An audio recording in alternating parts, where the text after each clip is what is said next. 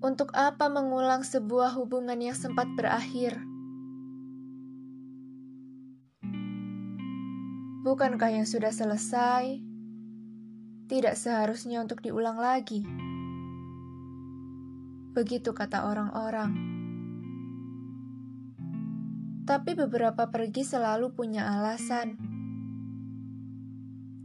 Dan aku percaya tidak semua alasannya karena ingin saling menyakiti. Jika memang kembali berada pada skenario yang Tuhan ingini, maka untuk apa mempermasalahkan pergi yang sudah berakhir saat ini? Bersama dia yang kembali, mungkin untuk itu langit membiarkanmu sendiri sejauh waktu berdiri selama ini bersama dia yang kembali.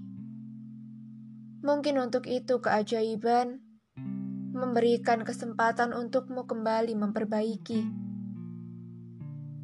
Agar pergi tak terulang lagi.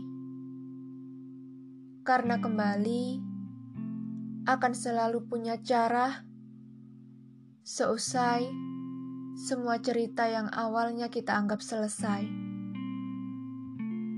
namun pergi tak akan mampu memisahkan segala hal yang sudah dituliskan untuk kembali.